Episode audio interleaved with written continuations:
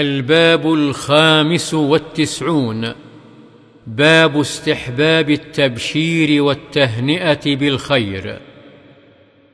عن أبي إبراهيم ويقال أبو محمد ويقال أبو معاوية عبد الله بن أبي أوفى رضي الله عنه أن رسول الله صلى الله عليه وسلم بشر خديه أن رسول الله صلى الله عليه وسلم بشر خديجة رضي الله عنها ببيت في الجنة من قصب لا صخب فيه ولا نصب متفق عليه.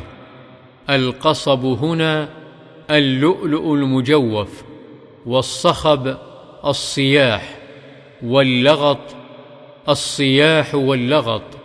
والنصب التعب. وعن أبي موسى الأشعري رضي الله عنه أنه توضأ في بيته ثم خرج فقال لألزمن رسول الله صلى الله عليه وسلم ولأكونن معه يومي هذا.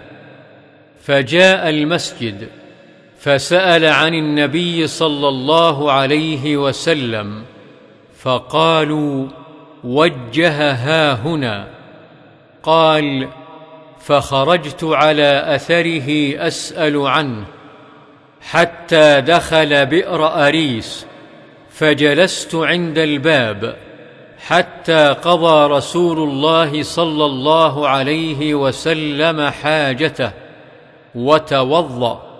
فقمت إليه فإذا هو قد جلس على بئر أريس وتوسط قفها وكشف عن ساقيه ودلاهما في البئر. فسلمت عليه ثم انصرفت فجلست عند الباب فقلت لأكونن بواب رسول الله صلى الله عليه وسلم اليوم. فجاء أبو بكر رضي الله عنه فدفع الباب فقلت من هذا؟ فقال أبو بكر فقلت على رسلك. ثم ذهبت فقلت يا رسول الله هذا أبو بكر يستأذن. فقال ائذن له وبشره بالجنة. فأقبلت حتى قلت لأبي بكر ادخل. ورسول الله صلى الله عليه وسلم يبشرك بالجنة.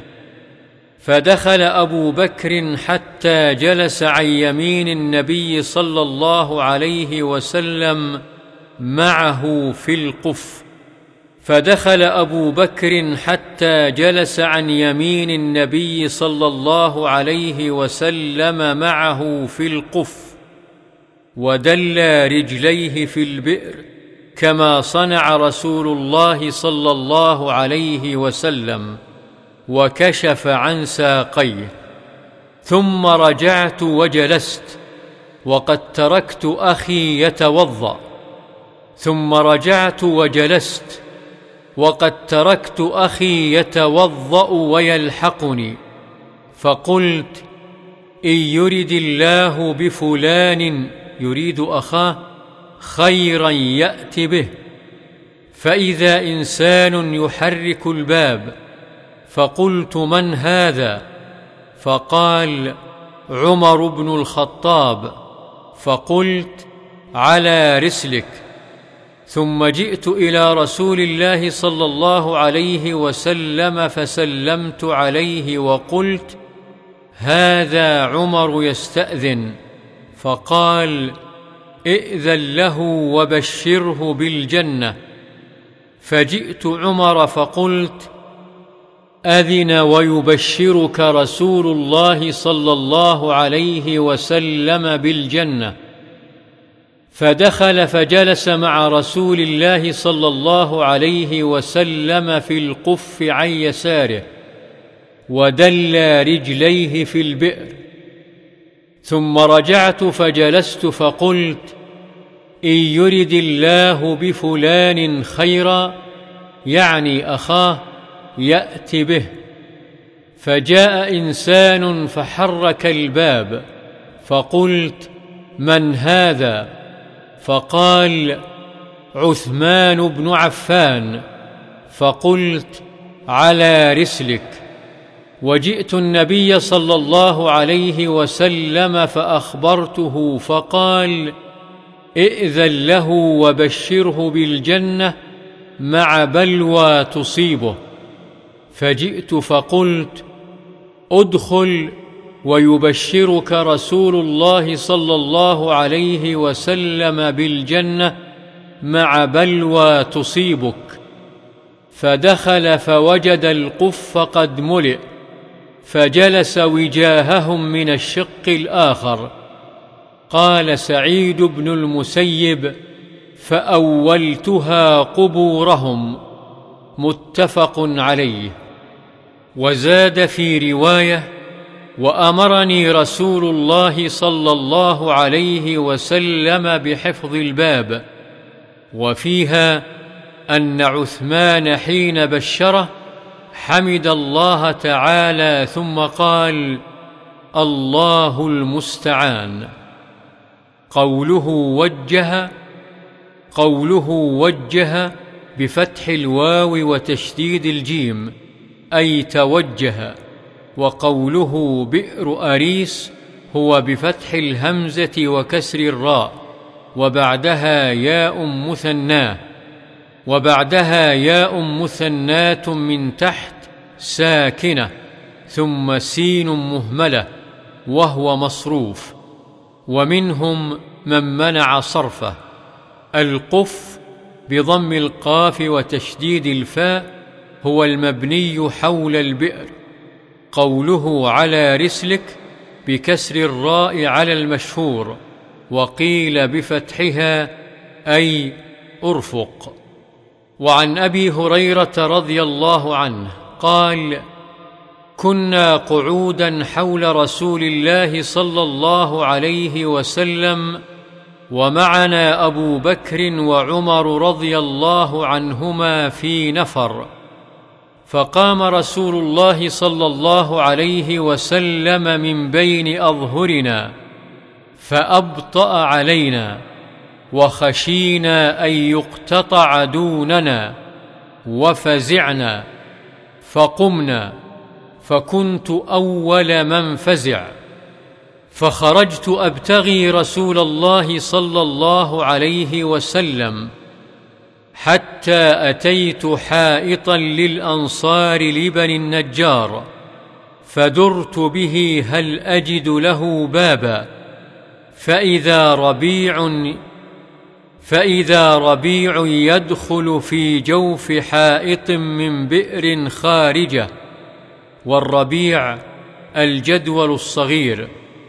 فاحتفزت فدخلت على رسول الله صلى الله عليه وسلم فقال أبو هريرة فقلت نعم يا رسول الله قال ما شأنك قلت كنت بين أظهرنا فقمت فأبطأت علينا فخشينا أن تقتطع دوننا ففزعنا فكنت أول من فزع فأتيت هذا الحائط فاحتفزت كما يحتفز الثعلب وهؤلاء الناس ورائي. فقال يا أبا هريرة وأعطاني نعليه.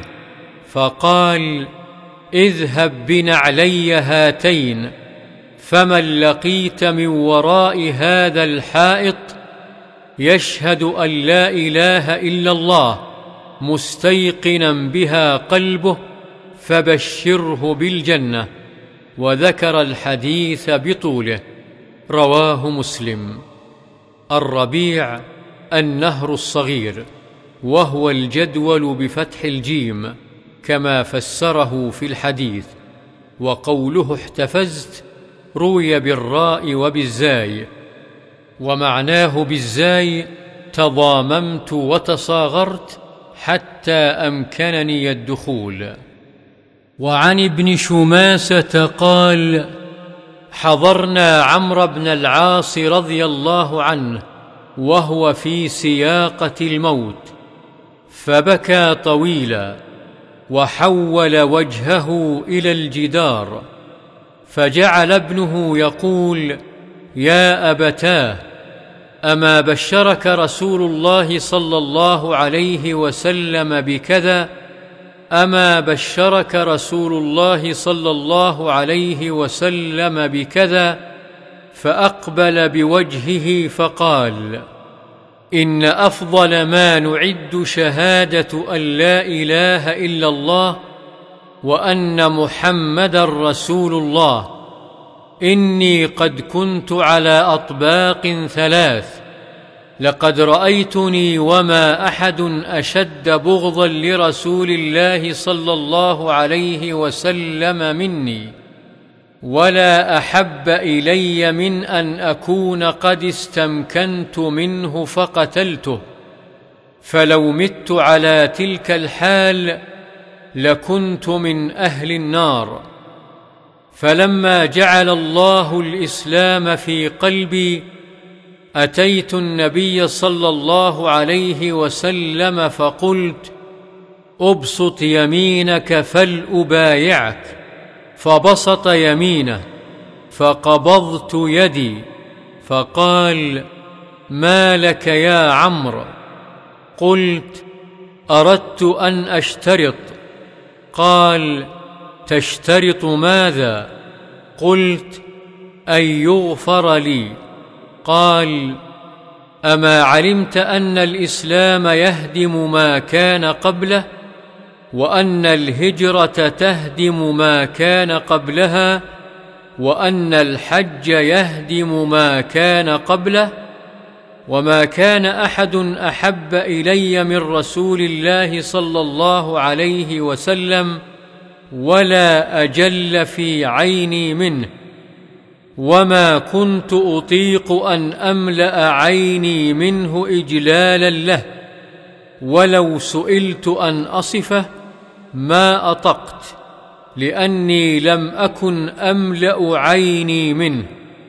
ولو مت على تلك الحال لرجوت أن أكون من أهل الجنة. ثم ولينا أشياء ما أدري ما حالي فيها. فإذا أنا مت فلا تصحبني نائحة ولا نار. فإذا دفنتموني فشنوا علي التراب شنا. ثم أقيموا حول قبري قدر ما تنحر جزور ويقسم لحمها. حتى أستأنس بكم وأنظر ما أراجع به رسل ربي. رواه مسلم. قوله شنوا روي بالشين المعجمة وبالمهملة أي صبوه قليلا قليلا. والله سبحانه أعلم.